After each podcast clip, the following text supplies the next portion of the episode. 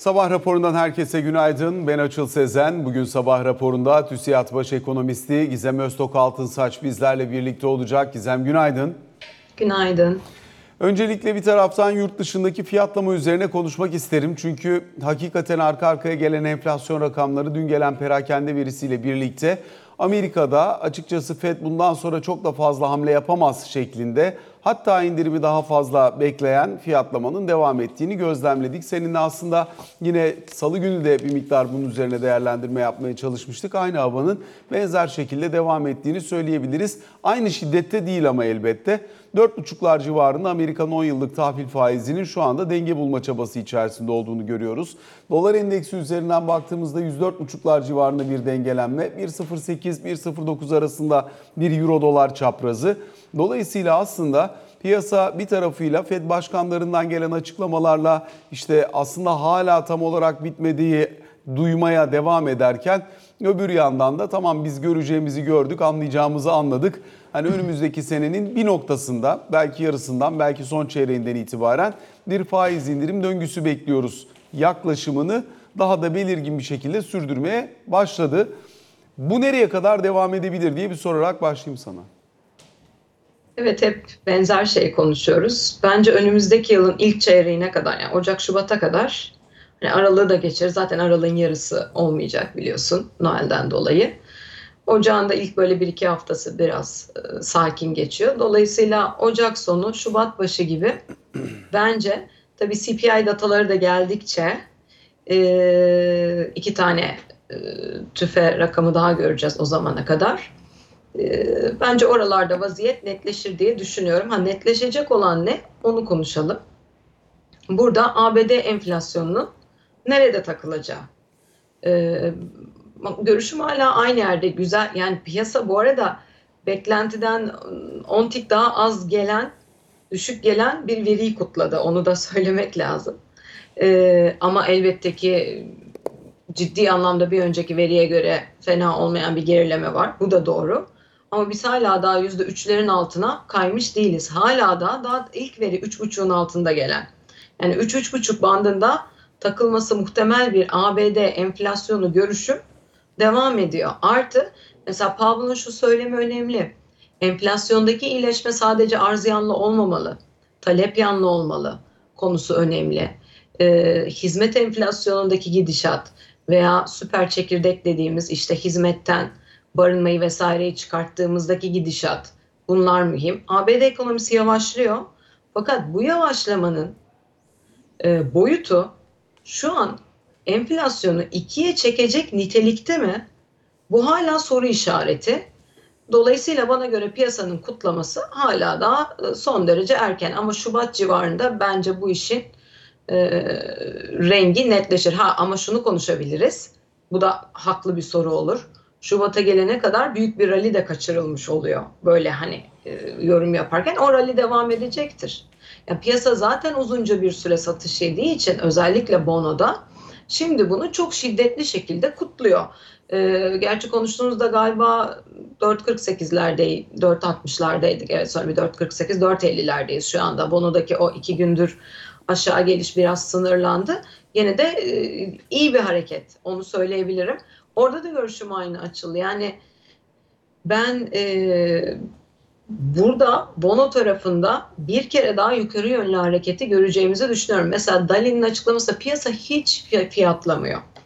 E, faiz indirimleri için tekrar tekrar düşünmeliyiz gibi. Gerçi burada yön olarak da bir değişiklik var. Yani bir tur daha faiz arttırımından değil, faiz indirimine yorum yapmış olması da e, aslında önemli gözden kaçmamalı ama dediğim gibi ben piyasanın düşündüğü gibi bir Fed olacağını düşünmüyorum e, önümüzdeki yıl. Bu kadar erken e, bir gevşeme olursa da bence şunu bilmek lazım. Yani uzunca bir süre faizler yüksek kalacak bence de. Hani bir iki tane indirim olur mu olmaz mı tartışıyorsak e, eğer gerçekten indirim döngüsüne başlarsa ABD ekonomisinde daha ciddi bir sorun var demektir. Daha ciddi bir bozulma, bilançolarda herhangi bir bilançoda arzu etmediğimiz bir vaziyet. Yani bu kadar erken e, olacağını düşünmüyorum. Ben öyle bir tablo görsem korkarım örneğin. Yani diyelim ki yanıldım ve gerçekten erken Mart, Mart civarında, Nisan civarında faiz indirimlerine başlandı. O zaman ABD ekonomisinde bir sıkıntı e, vardır diye düşünürüm. Özellikle PIMCO'nun CIO'sunun açıklamaları var. Daniel Ivashi'nin. O da diyor ki özellikle son dönemdeki bono piyasasındaki fiyatlama biraz bu faiz indirimine dönük fiyatlama biraz ağır geldi, fazla geldi. Ee, dolayısıyla yani şimdi tabii PIMCO bunu söylediği zaman önemli neden? Çünkü çok büyük bir bono portföyünün de üzerinde oturduğu için piyasayı yönetme, yönlendirme fonksiyonuna da sahip. İşte hep konuşuyoruz. Geçen salı günü de konuştuk. Ee, özellikle beklentilerdeki farklılık daha zor bir piyasa dinamiği oluşmasına sebep oluyor. Yani işte ulaşılacak nihai faiz oranının ne kadar aşağıda beklendiği, buradaki indirim hızının ne kadar e, yüksek beklendiği e, kurumların pozisyonlanması üzerinde etkili. Morgan Stanley çok hızlı bekliyor, Goldman Sachs daha yavaş bekliyor. İşte şey UBS çok agresif bekliyor. Şimdi PIMCO diyor ki ya çok fazla hızlı gitti burası. Ya bir kısmı da e, açıkçası bu son dönemdeki fiyatlamanın yine tahviller üzerindeki short covering'den yani aslında burada e, bir miktar e, daha önceden ters yönde pozisyon almış olanların panikle kapatması da o pozisyonları etkili oldu diye de bakılıyor. Çünkü hani Amerikan tahvil piyasasının da getiri eğrisinin her yerinde 2 yıldan 30 yıla kadar 20-25 bas puanlık hareket bir veriyle pek görüldük şey değil yani. Evet, e, aynen katılıyorum. Bu arada şunu da söyleyeyim. Herhangi bir varlıkta e, bu tarz ralliler veya satışlar diyelim de biz rally üzerine konuşalım. Ralliler gördüğümüzde herhangi bir varlık için konuşuyorum. E, bir noktada short covering geldiği için hareket her zaman hızlanıyor. Yani bunu pek çok varlık fiyatlamasında dönem dönem görüyoruz. O yüzden burada doğrudur. Short covering de vardır ama e, hani bu şunu söylemiyor. Yöne dair yanlış bir vaziyet vardır yorumunu hani ben buradan çok kolay çıkartamıyorum. Ben katılmıyorum bu arada yöne de. Geçici olarak para yapma e, düşüncesinden bence birazcık bono piyasası vaziyeti abartmış durumda gibi geliyor bana. Aynen PIMCO'nun bu görüşüne katılıyorum. Ama herhangi bir varlıkta zaten hızlı aşağı yönlü bir hareket geldiğinde yani bono için konuştuğumuz için short covering diyebiliriz. Ee, hızla fiyatından konuşalım. Yukarı fiyat geldiğinde ister istemez kısa pozisyonlar hızlı kapanıyor. Ee, ve bu da hareketin montanını hız fazlalaştırıyor, yükseltiyor. Ee, ve aynı zamanda da psikolojik etki yaratıyor. Ee, bütün bu işi yapan traderlar üzerinde. Yani birbirlerini gördükçe daha fazla bu hareketi yapma arzusu oluyor. Hareket kaçtığı için, rally kaçtığı için. Ben bunun gibi bir süreç olduğunu düşünüyorum. Çünkü e, Fed'in açıklamalarında gerçekten bu kadar yüklü bir hareketi doğrulayan bir vaziyet söz konusu değil.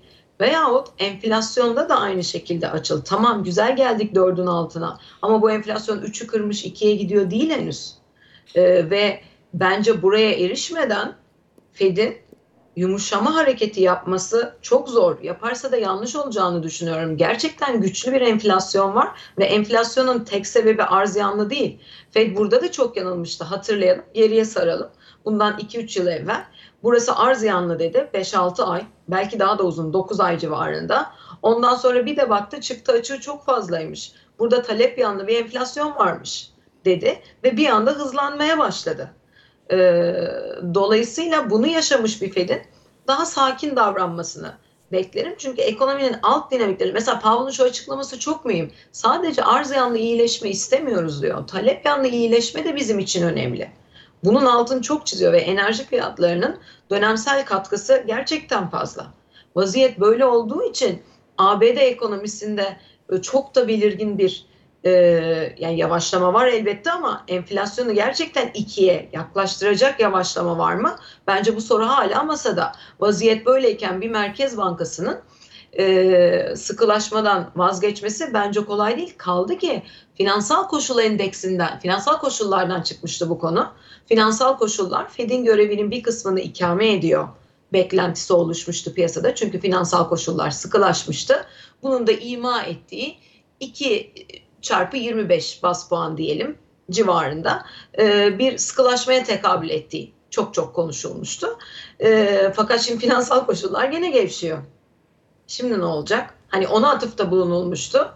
Şimdi vaziyet tersine döndü. Şimdi piyasa bunları umursamıyor bence. Bu da anlaşılır ama kalıcı değil. Öyle düşünüyorum. Ocak sonu Şubat başı bence bu iş daha da netleşir.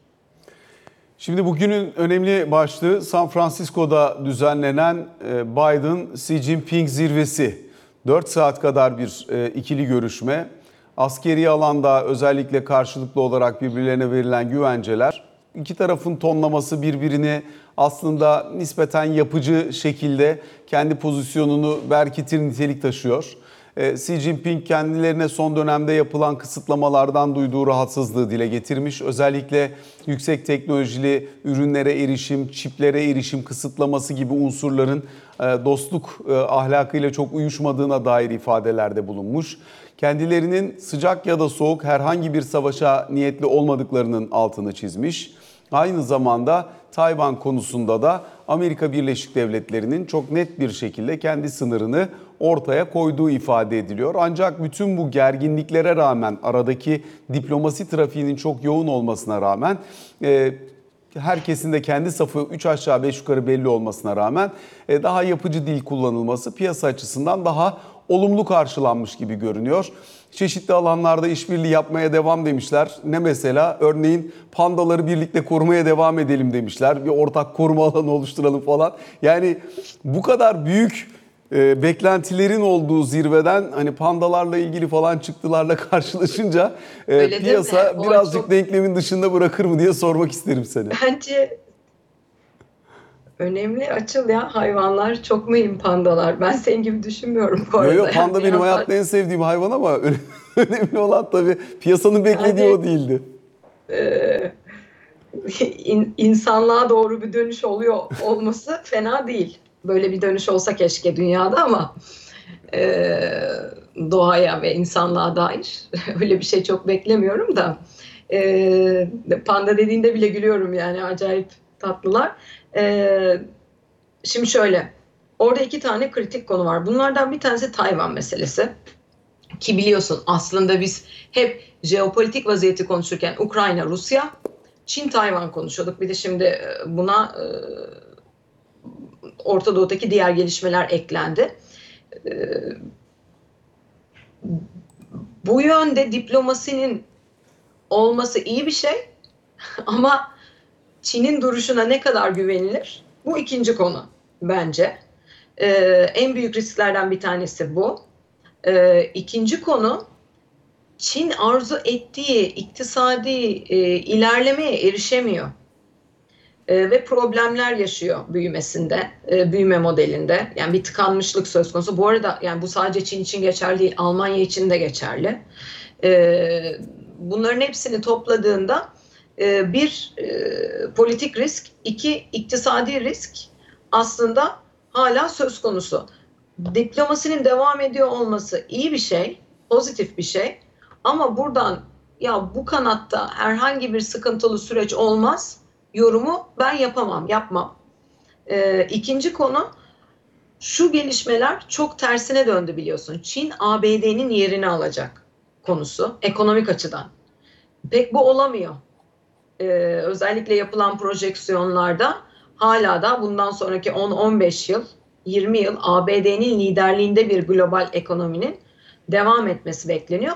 Zaten bunun evvelinde de şu var açıl fragmentasyon yani bölgesel olarak e, içine kapanan bir dünya söz konusu olabilir ki Çin bu yaptığı e, anlaşmalarda 28 ülkenin olduğu örneğin ticaret anlaşmalarında vesaire hep bunlar için çabalıyor.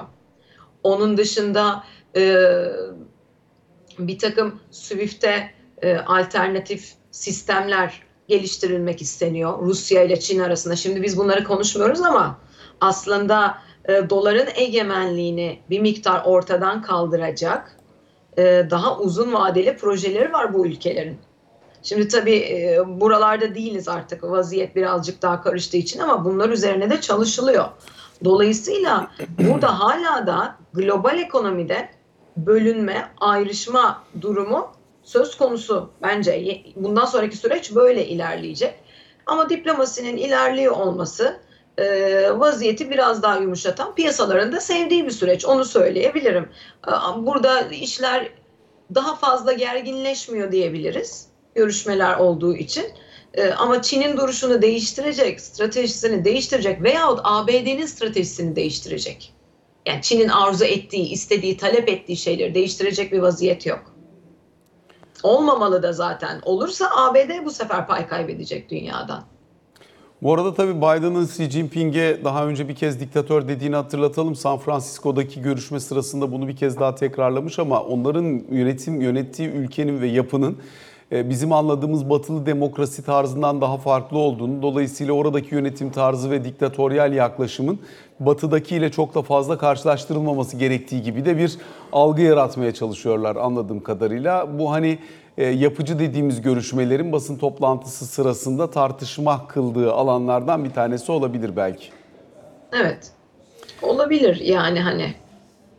Onun üzerine çok ekstra yorum Yo, yo, yapabilir. yani sadece bilgi notu olarak söylüyorum Doğru. burada. Bu önemli. Şimdi düne dönüp dünün yine e, uluslararası arenada önemli konularından bir tanesi olduğu için paylaşmak istiyorum. Ne kadar bakma şansın olmadı oldu bilmiyorum ama özellikle Rusya'nın e, büyüme verisi geldi dün itibariyle. %5,5'luk bir büyüme rakamına ulaştığını gördük Rusya'nın ve aslına bakacak olursak çeşitli sektörlerde aslında birçok alanda da diyebiliriz. Rusya'nın savaş öncesindeki seviyelerine geri geldiğini anlıyoruz. Mesela Rus bankalarının karlılığına baktığımızda savaş öncesi dönemin üzerinde kar açıklıyorlar. Örneğin Sberbank'ın karı rekor seviyeye ulaşmış gibi görünüyor.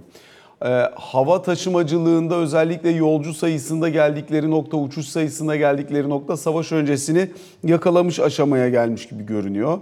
Diğer taraftan yine benzer şekilde örneğin otomobil satışları savaş öncesindeki seviyeyi yakalamış gibi görünüyor. Ee, özellikle tabii ki savaş aslında bir tarafıyla yani insani boyutu çok kötü olmakla birlikte ekonomik aktivite üzerinde olumlu ve büyümeyi destekleyen bir yönü oluyor. Özellikle savunma harcamaları çok kuvvetli bir şekilde devam ettiği için bunun ekonomi İnşaat üzerinde vesaire bir etkisi var. İnşaat yine benzer şekilde, altyapı yine benzer şekilde. Bunlar ekonomik büyümeyi rakamsal olarak da yukarı çekiyor. Ama elbette savaş kısmında herkesin uyguladığı çok ağır yaptırımlar var vesaire. Bir şekilde öyle ya da böyle bu yaptırımları kendi iç dinamikleriyle aşmış Üretim bacağında anladığımız kadarıyla daha problemli. Yani Rusya'nın kendi iç sanayi üretimi tarafında daha problemli. Ama bir şekilde kendi yolunu bulmayı başarmış. Gelirlerini de özellikle enerji fiyatlarındaki yükseliş sayesinde bu e, ürünleri, ham madde ve enerjiyi e, farklı ülkelere, Çin'e, Hindistan'a satarak örneğin e, kendi döngüsünü bir şekilde yönetmeyi başarmış gibi görünüyor Rus ekonomisi. Evet, e, aslında daha savaş olurken bile başladıktan 6 ay sonra bile ya Rusya o kadar da kötü gitmiyoryu. Tabii ki de birkaç e, dönem daralma verisi gördük ama konuşmaya başlamıştık. Yani orada e, iş yapanlar kapanmaların dışında konuşuyorum. Yaptırımların dışında konuşuyorum açık. E, iş yapan şirketlerin çok çok mutsuz olduğunu duymuyoruz. Net söyleyebilirim e, kendi iç dinamikleri de farklı. Bir kere enerji üretiyor olmak ve bunu e, ihraç ediyor olmak çok e, büyük bir avantaj. E, bu işten e, en az negatif etkilenen, tabii ki de insani boyutunu dışarıda bırakıyorum ama Rusya gibi gözüküyor. Şimdi şöyle söyleyeyim sana. Üç tane bacak var burada. Almanya, Ukrayna, Rusya. En kötü durumda olan Ukrayna. Ondan sonra Almanya'nın büyüme modeli de aldı. Çünkü sanayi üretim çıktısı enerjiye dayalıydı. Ve Rusya'dan ithalatı çok yoğundu. Vaziyet böyle olduğu için bütün büyüme modeli bozulmuş durumda sanayi anlamında. Ama Rusya e, durumu birazcık daha kurtarmışa benziyor. Yani kötülük anlamında en problemli olan Ukrayna, sonra Almanya, sonra Rusya oldu gibi gözüküyor şu anda iktisadi süreçte. Almanya'nın hele vaziyeti tamamen bozulmuş e, durumda ki o da Avrupa'nın motoru. Öyle düşünelim. Bu zaman zarfında bakıldığında e, sanki stratejik olarak Avrupa çok çok majör bir hata yapmışa benziyor. Rusya kendi tercihini yaptı. Yani iki tane kötü seçenek vardı sonuçlanacak olan. O bunu seçti. Yani diğerini seçseydi de kötü etkilenecekti. E, o bunu seçti. E, dolayısıyla bence Rusya buradan e, kendisini tabii ki de bir zarar görse bile kurtarır. Vaziyette onu gösteriyor. Ha ama ondan sonraki süreçte işte bakacağız. Biliyorsun e, firmalar isim değiştirerek orada yer almaya başladılar. Yani McDonald's kapanıyor ama adı farklılaşıyor. X perakendeci kapanıyor ama adı farklılaşıyor. Anlatabildim mi? O yüzden e, zorlu bir süreç tabii ki. Zaten bu şimdi perakende ile ilgili konuşuyorum ama esas senin söylediğin daha önemli. Normalde savaştan çıkan ekonomilerde iktisadi olarak bir pick-up görülür, yükseliş görülür, altyapı harcamaları, e, savunma sanayinden kaynaklanan bir takım e, harcamalar. Bunlar ekonomiyi bir dönem sonra yani o savaşın sıcaklığı geçtikten sonra bir miktar yukarıya doğru e, taşırlar. O süreçte olunduğunu düşünüyorum Rusya'da. Tabii ki savaş öncesi dönemde değiller. Yani bu tartışılır bir şey değil. Ama burada kim en az zarar gördü ekonomik olarak dersen e, yani daha uzun vadeli konuşalım. İlk başta yediği dayak tabii ki çok şiddetli Rusya'nın. Ama orta uzun vadede Almanya'nın büyüme modeli tamamen dağılmış durumda. Bu enerji intensif e, şeylerden dolayı çıktı. E, sanayi üretiminin buna dayalı olmasından dolayı konuşuyorum. Yani enerji yoğun bir sanayi tarafı olması ve bir bacağıyla Avrupa e, Rusya'ya çok çok ciddi bağlı olmasından kaynaklı. yani genel itibariyle olaya sadece Rusya olarak değil o bölge olarak bakıp değerlendirmek lazım. Rusya'ya dair yorum yaparken de bence iktisadi olarak konuşuyorum e, siyasi değil. Peki buradan döneyim o zaman biraz Türkiye tarafına. Türkiye'de de özellikle dün itibariyle gelen bütçe rakamlarını birazcık değerlendirelim istersen. Burada bütçe açığı 95,5 milyar lira olarak gerçekleşmiş görünüyor. Genel anlamıyla aslında vergi tahsilatındaki artış tabii çok belirgin Ekim ayı itibariyle getirilen ek vergilerle birlikte. Bununla beraber işin harcamalar bacağı da kuvvetli kalmaya devam ediyor. Önce bir genel tınısı üzerinden konuşalım bütçenin. Sonra makroekonomik çerçeve yansıması üzerine devam ederiz. Şimdi 10 aylık baktığımızda e, 600 milyar TL'ye yakın bir açık var. Yıl sonu OVP'de görülen rakam 1.6 trilyon. E, bunun yaklaşık 750 milyar TL'si deprem harcamasından gelecek ve şu anda tahakkuk eden 200 milyar TL'ye yakın bir deprem harcaması var bütçede. Yani e, bir 500-600 milyar TL daha tahakkuk etmesi bekleniyor aslında OVP'de anladığımız kadarıyla yıl sonu için. Ha bu önümüzdeki yıla ötelenirse biraz daha farklı bir durum. Ee, senin söylediklerin biraz daha şöyle mikro seviye diyelim şundan dolayı. Ee, zaten vergi artışlarından dolayı bir vergi artışı var. Artı ekonomi yeterince soğumuyor. Bunun katkısı var. Onu da söylemek lazım. Ee, ikinci konu harcamalar e, biliyorsun bir sürü cari transferler vesaire de adımlar attık. Personel giderlerinden tut e, diğer e, ikramiyelere kadar vesaire emekli ikramiyelerine kadar. Dolayısıyla orada da e, harcama tarafında da böyle çok kontrol altında bir vaziyet varmış gibi gözükmüyor. Ama yılbaşından bu yana bakıldığında 600 milyar TL'deyiz.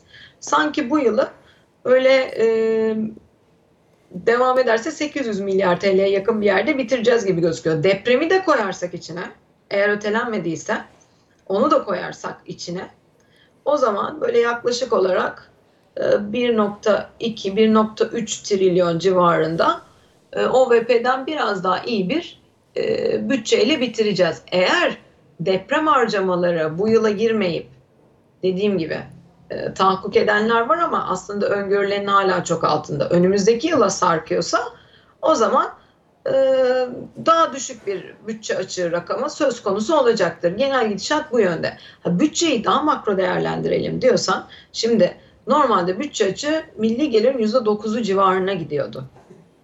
Bunun e, yeni ekonomi yönetimi devreye girdikten sonra %6'lara doğru bir çekme çabası oluştu. Bu %6'nın milli gelirin içindeki payından bahsediyorum. 3 puanı deprem harcamalarına gidiyor zaten.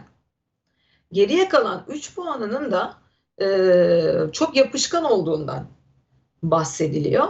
E, tam böyle mi emin değilim. Yani harcama tarafında e, daha fazla kesilecek e, yer olmadığına çokça atıfta bulunuluyor. Ama e, bence Türkiye'nin biliyorsun yüzde üç değil milli gelirin içindeki payı yüzde bir buçuktu. Bundan birkaç yıl evvel bizim bütçemizin. Orada yapısal bir bozulma var mı yok mu ona bakmak lazım. Bu birinci konu. Yani bizim aslında konuşmamız gereken kısım yüzde üç depremi dışarıda bırakıp yüzde üçlük geriye kalan kısmı ne kadar düşürebileceğimiz olmalı. Ee, burada da yani vergi gelirleri tarafıyla değil bu arada. Yani gelir kalemiyle değil. Gider kaleminden kısıyor olmamız gerekiyor. Gelirleri arttıracak bir takım adımlar atarsınız. Bu kötü değildir ama esas Ya kontrol gider etmeniz- nerede kısılacak Gizem? Yani ben hani bunu biraz Evet. sormak istiyorum. Şimdi giderin falan kısıldığı pek mümkün değil yani. Şu anda bütçenin üzerindeki Haklısın. bütçenin üzerindeki maliyetlere baktığın zaman hani devlet bir yere bir şey vermeye başladığında bir fonu bir yere sağlamaya başladığında bunu geri alamıyor ki. Yani Alamıyor. projesi yapılırken verilmiş, söz verilmiş, başlamış, daha sonra devam ettirilmiş. Proje bitmesine rağmen hala ödenen bir sürü ödenek var. Dolayısıyla hani bunlar artık yapışkan yani Türkiye'de bütçenin %90'ı 95'i belki e, yapışkan giderlerden oluşuyor. Bunu aşağı kesmek falan çok mümkün görünmüyor gibi geliyor bana ama bilmiyorum ne dersin. Yani her seferinde doğru. işte yok onun maaşı, yok bunun aracı, yok şunun makam aracı falan diye gelen şeyler var. Yok şuranın gideri, yok buranın gideri. Ya bunlar olmuyor, olamıyor. Yani hani herhalde harcama tarafından bir kısıntı falan beklememek lazım. Yani Beklememek gelir lazım. artırıcı e, model neyse onu kurgulamak lazım. Bilmiyorum ne diyorsun? Yo aynen katılıyorum zaten e, yani e, daha detaylı e, ekonomi yönetiminin de yaklaşımı benzer. Yani o harcamaların son derece yapışkan olduğu ve daha zamanla bu noktaya gelindiği ve bunu aşağı kırmanın ilk aşamada çok çok zor olduğu şeklinde. Dolayısıyla yorumuna tamamen katılıyorum.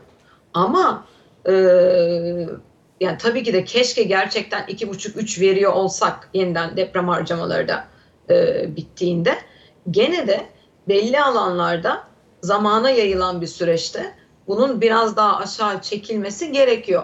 Şu anda de- demin yaptığın yorumların hepsine katılıyorum. Her şey o kadar yapışkan olmuş durumda ki bütçede o yüzde üçlük kısım için harcamadan kesmek söz konusu e, olmuyor. Çok ciddi bir tasarruf paketiyle geliyor olmanız ve can yakmanız gerekiyor.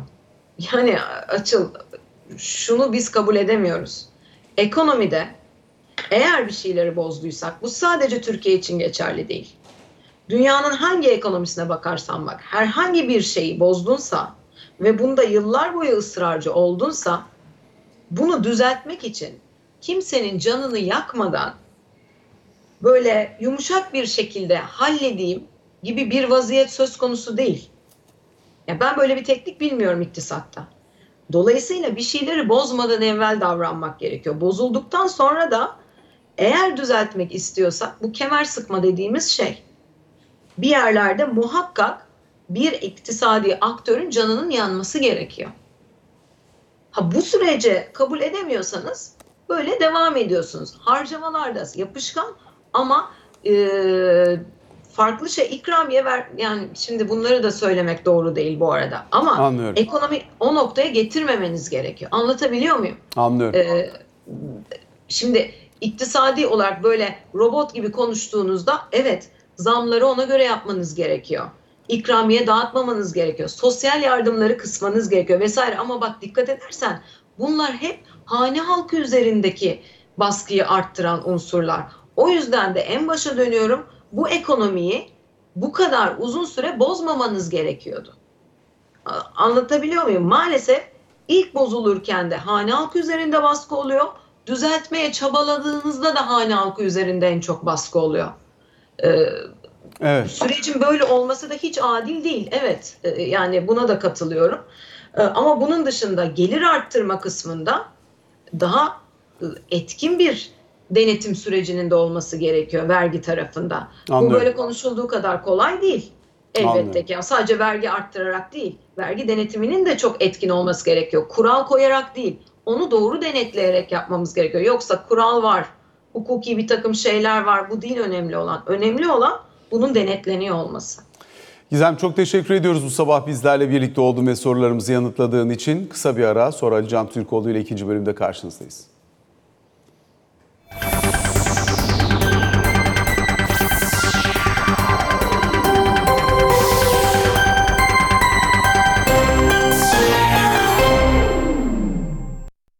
Sabah raporunun ikinci bölümünde Alican Türkoğlu ile birlikteyiz. Alican günaydın. Günaydın.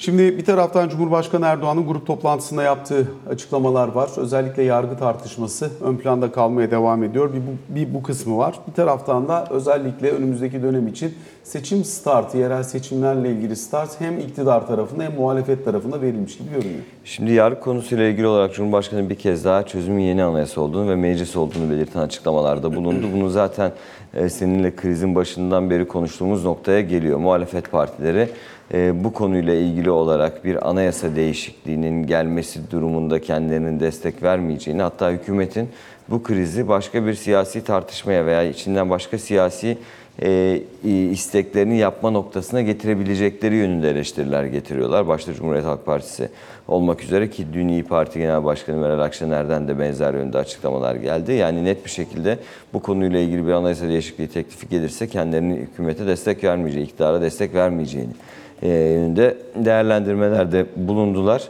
E, ancak bir yandan da hem AK Parti'nin hem Milliyetçi Hareket Partisi'nin de e, bunun işte iki e, yüksek mahkeme arasındaki görüş farklılığı olduğu bir yetki krizi olduğu. Bu yetki krizinin de ancak yeni anayasayla ve anayasada yapılacak değişiklikle e, çözülebileceği yönündeki e, beklentileri ve görüşleri var. Dolayısıyla bu konu siyaseten çok tartışılmaya devam edecek.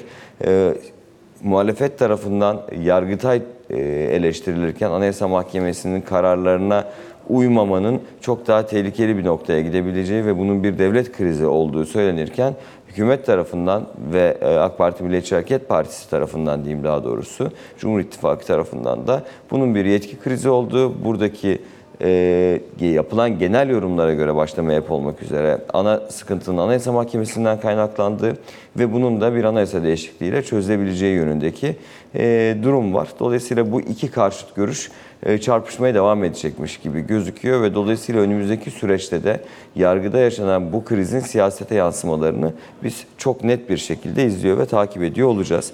Onun dışında e, seçim konusuyla ilgili olarak özellikle Cumhuriyet Halk Partisi'nde önemli gelişmeler var. Genel başkan değişimi ve A takımı değişimi sonrası şimdi süreç zaten tamamen aday belirleme noktasına evrilmiş durumda. Şimdi burada e, Cumhuriyet Halk Partisi belediye başkanlarının mevcuttaki 241 belediye başkanının durumunu anketlerle değerlendirecek ve devam edilecek mi edilmeyecek mi yeni adaylar mı çıkacak buna ilişkin kararı verilecek. Çok hızlı bir şekilde yani Cumhuriyet Halk Partisi'ne bir e, anket ve kamuoyu yoklama süreci başlayacak. Ama bunun dışındaki 11 büyükşehirle ilgili olarak 3 büyükşehir belediye başkanı ile devam edileceği bilgisi var. Kim bunlar? E, İstanbul Büyükşehir Belediye Başkanı Ekrem İmamoğlu, Ankara Büyükşehir Belediye Başkanı Mansur Yavaş ve Aydın Büyükşehir Belediye Başkanı Özlem Çarşıoğlu. Bunun dışındaki 8 büyükşehirle ilgili olarak da yani Tekirdağ, Muğla, Eskişehir, Mersin, İzmir, Adana, Antalya ve Hatay. Bunlarla ilgili olarak yine bir kamuoyu yoklaması hem parti içi hem de bölgedeki seçmenlerden yapılacak bir işte çalışma gerçekleştirecek ve bu çalışma neticesinde devam edip edilmeyecek isimlerin belirleneceği söyleniyor. Ya mesela burada Eskişehir ve Mersin'le ilgili olumlu e, açıklamalar daha fazla yapılıyor genel merkez içerisinde benim duyduğum kadarıyla. Ama diğerleriyle ilgili olarak yapılacak çalışma neticesinde bir karar verileceği ifade ediliyor. Dolayısıyla Cumhuriyet Halk Partisi içerisinde kendi adaylarını belirleme süreci yoğun bir şekilde sürüyor. Ama burada belki en kritik noktalardan birisi Cumhuriyet Halk Partisi veya muhalefet için diyeyim e, bir işbirliği yapılıp yapılmayacağı konusu. Dün bir kez daha Sayın Akşener grup toplantısında bütün illerde kendi başlarına seçime gireceklerini söylediler. Ama Ankara'da konuşulanlar ki Ankara'daydım bir iki gündür Ankara'da konuşulanlar partilerin kendi içlerindeki en azından bir takım parti yöneticileri arasında e, görüşmelerin olduğu ve daha net olabileceği ve yapılacak e, görüşmeler neticesinde de seçime daha çok uzun zaman var. Seçim süreci tamamen karşı tarafın da adayları netleştikten sonra deniyor. E, belki belli başlı illerde bir işbirliği yapma e, zorunluluğu oluşabilir. Ancak şu anda başta İyi Parti olmak üzere partilerden kendi tabanlarına yönelik bu yönde mesajlar verilmeyeceği söyleniyor. Ama parti yöneticileri arasında e, alttan e, farklı noktalarda farklı şehirlerle ilgili olarak görüşmelerin yapılabileceği yönünde de beklentiler ve iddialar var. Bunu da söyleyeyim. AK Parti Milliyetçi Hareket Partisi kanadı tarafında zaten herhangi bir sıkıntı yok. Ee, Kasım ayı içerisinde toplantılar da devam edecek partilerin kendi işlerinde. Hem kamplar hem partilerin birbirleriyle yapacakları toplantılar. Ee, Aday belirleme çalışmalarına yönelik takvimleri de siyasi partiler açıkladı. Dolayısıyla Kasım sonundan itibaren peyderpey Aralık ayı başta olmak üzere yoğunluğun e, adayların açıklanması bekleniyor. Kamuoyuna e, duyurulması bekleniyor. Onun dışında bugün İsveç'le ilgili önemli gelişme ol- olabilir. Dışişleri Komisyonu İsveç'in NATO üyeliği konusunu görüşmeye başlayacak. Meclis başkanları arasında bir video konferans gerçekleştirdi. Bu sürecin hızlı başlamasının öngörüldüğünü söyleyebilirim ve asgari ücret konusu konuşulmaya başlandı. 1 Aralık'ta süreç başlayacak ama 1 Aralık'a kadar asgari ücretle ilgili beklentilerin kamuoyuna bu önümüzdeki iki hafta içerisinde e, sunulması ve paylaşılması bekleniyor. Teşekkür ediyoruz Ben Sabah raporuna böylelikle son noktayı koymuş oluyoruz. Hoşçakalın.